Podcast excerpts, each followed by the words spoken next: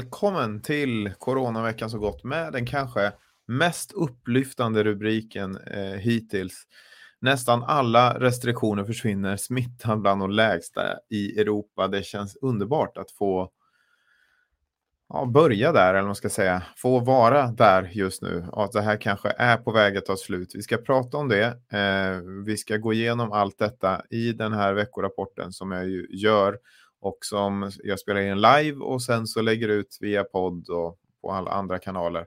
Men som egentligen är en text som uppdateras varje söndag. Och det här vet ju ni som varit med länge att varje vecka sammanfattar jag det viktigaste och mest omtalande som hänt kring coronapandemi ur ett svenskt perspektiv.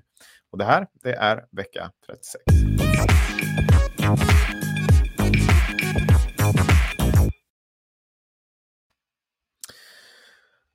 14 703 har nu avlidit med covid-19 i Sverige, vilket är en ökning med 11 fall sedan förra veckan. Det är något, något färre rapporterade dödsfall än förra veckans ökning, vilket därmed är ett trendbrott.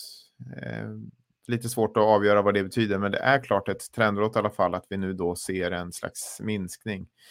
Sverige har just nu också ett av Europas lägsta antal dödsfall i covid-19, vilket är särskilt positivt. Smittan fortsätter att öka, men det har parkerat på relativt låga nivåer. Den senaste inrapporterade veckan ökade antalet bekräftade fall med 8% till totalt 7 231 smittade. Eh, och det här innebär att vi är nu en av EUs sju lägsta eh, länder som har helt enkelt lägst smittspridning.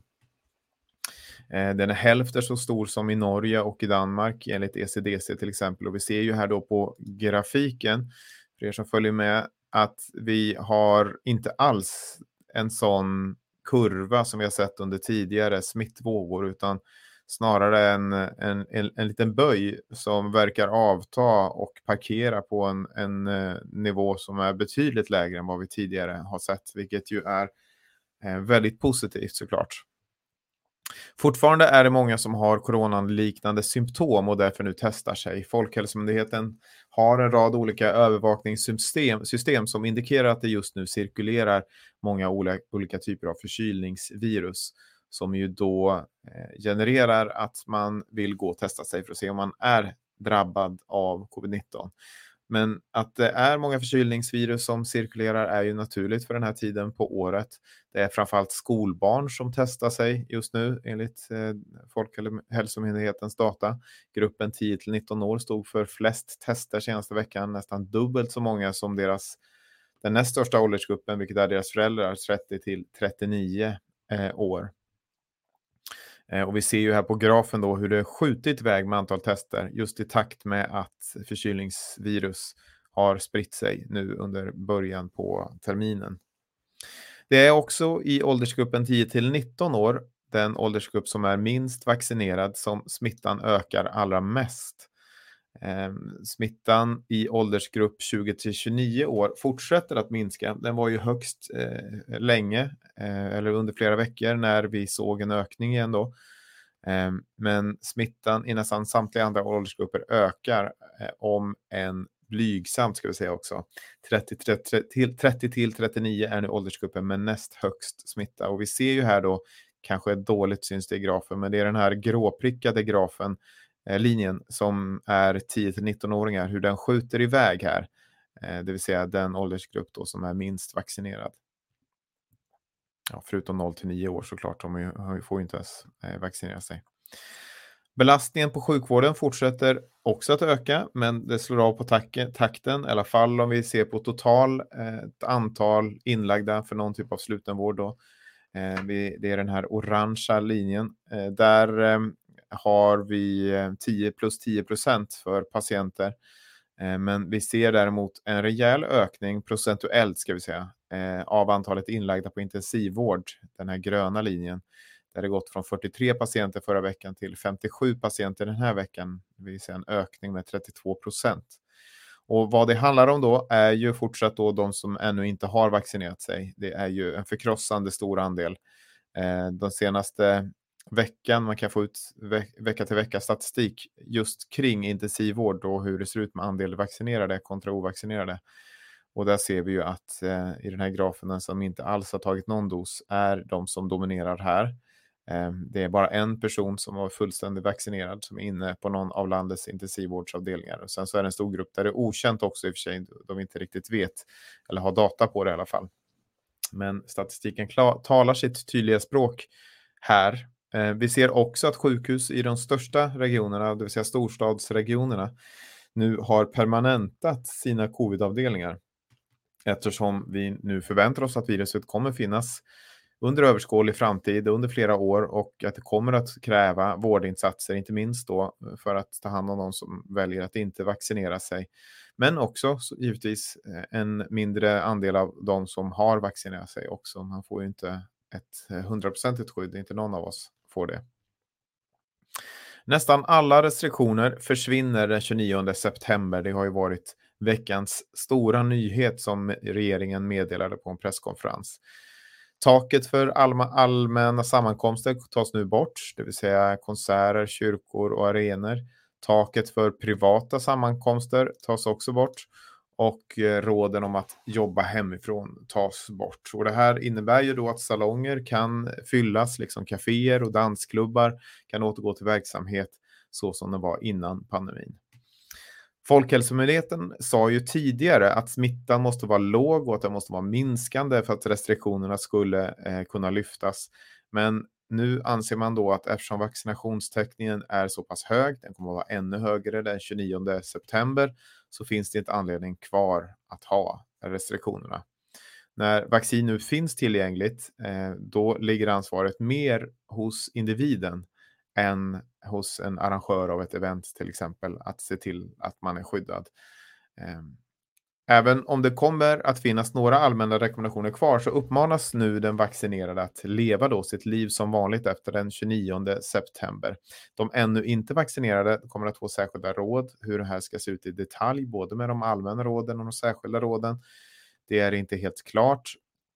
Eh, det är inte heller klart när de sista rekommendationerna skulle då kunna eh, lyftas så att vi liksom får ett samhälle som är normalt, precis så som det såg ut innan pandemin, utan några inskränkningar eller rekommendationer.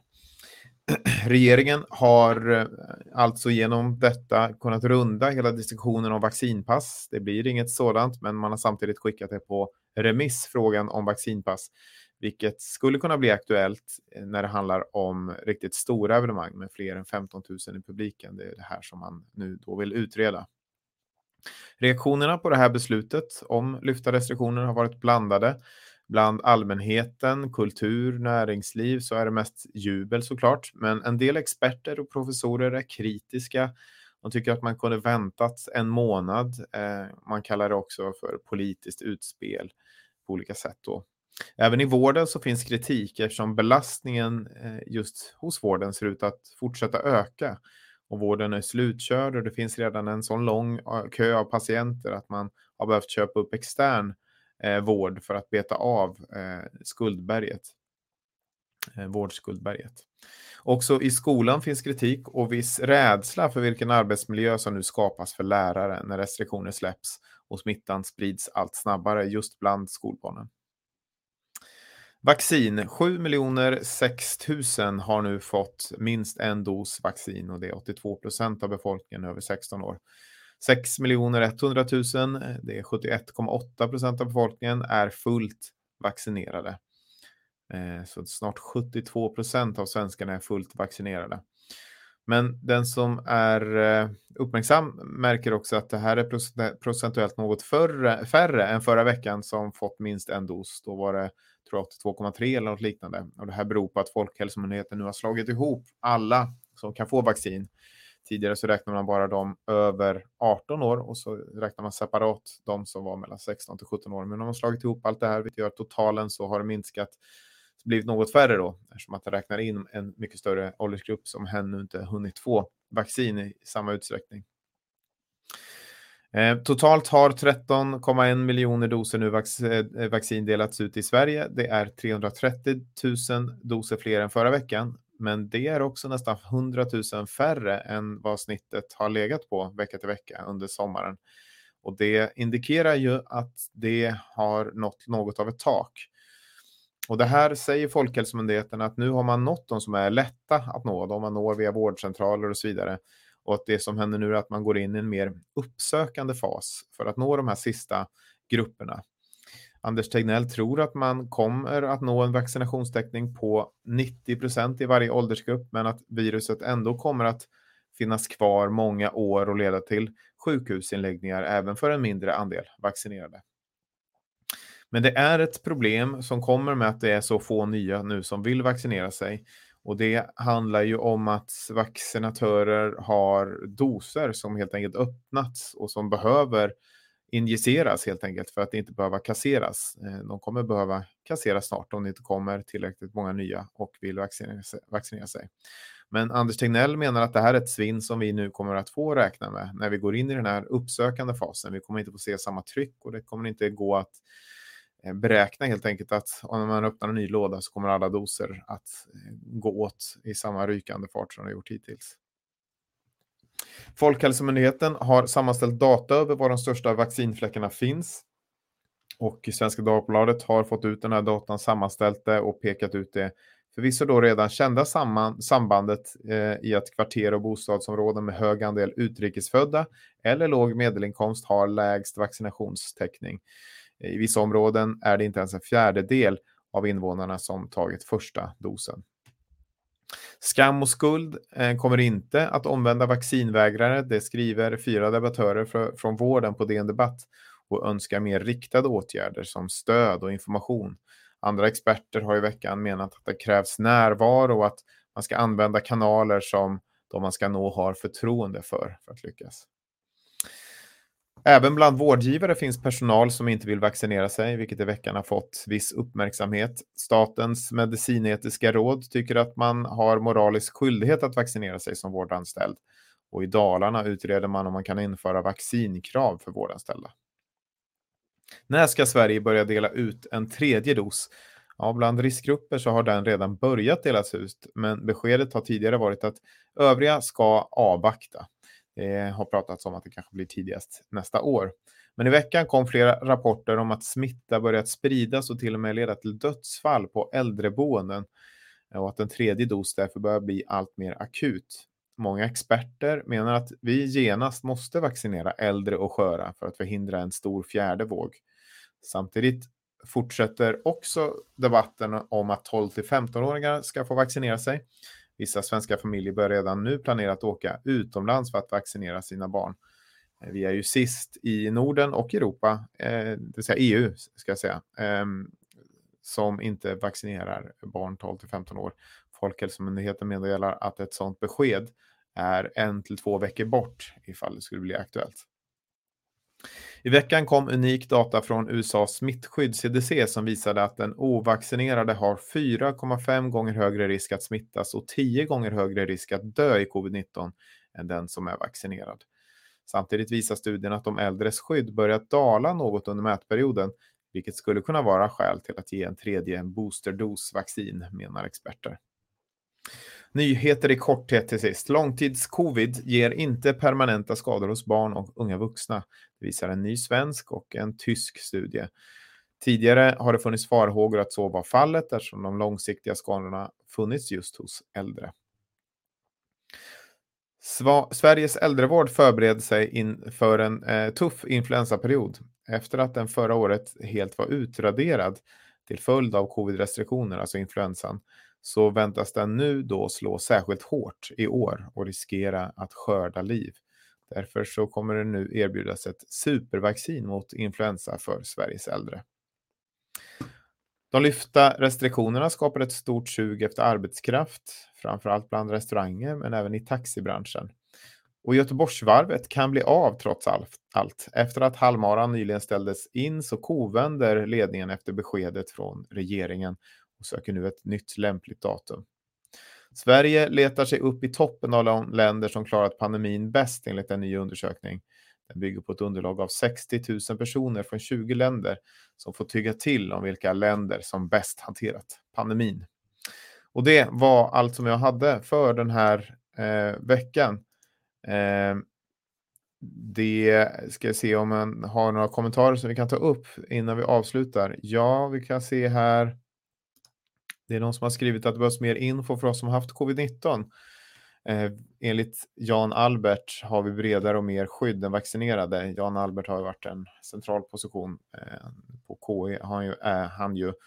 Eh, och det stämmer att man har ett bredare och mer eh, och ett starkare skydd än den som är vaccinerad. Det pratade vi om redan förra veckan. Det är nästan så vid alla typer av eh, Eh, sjukdomar att den som har en genomgången infektion får ett bättre skydd än den som är vaccinerad. Och det eh, är som sagt ingen ny kunskap och heller såklart ingen skäl att försöka bli eh, sjuk. För det är ju det som vi försöker skydda oss från. Att, inte att få ett bra skydd utan att slippa alla de effekter som det för med sig att bli sjuk. Det vill säga allt från att ligga på sjukhus och dö till att få långtidscovid och alla dess konsekvenser som det innebär. Ehm. Så det om det. Ehm, tack för frågor, tack för att ni fortsätter att lyssna, titta, läsa och eh, re eh, reagera och engagera er. Tycker ni att det här är bra och intressant får ni hemskt gärna fortsätta stödja på patreon.com snedstreck Emanuel Karlsten. Det var allt för den här veckan. Ehm, tack så länge.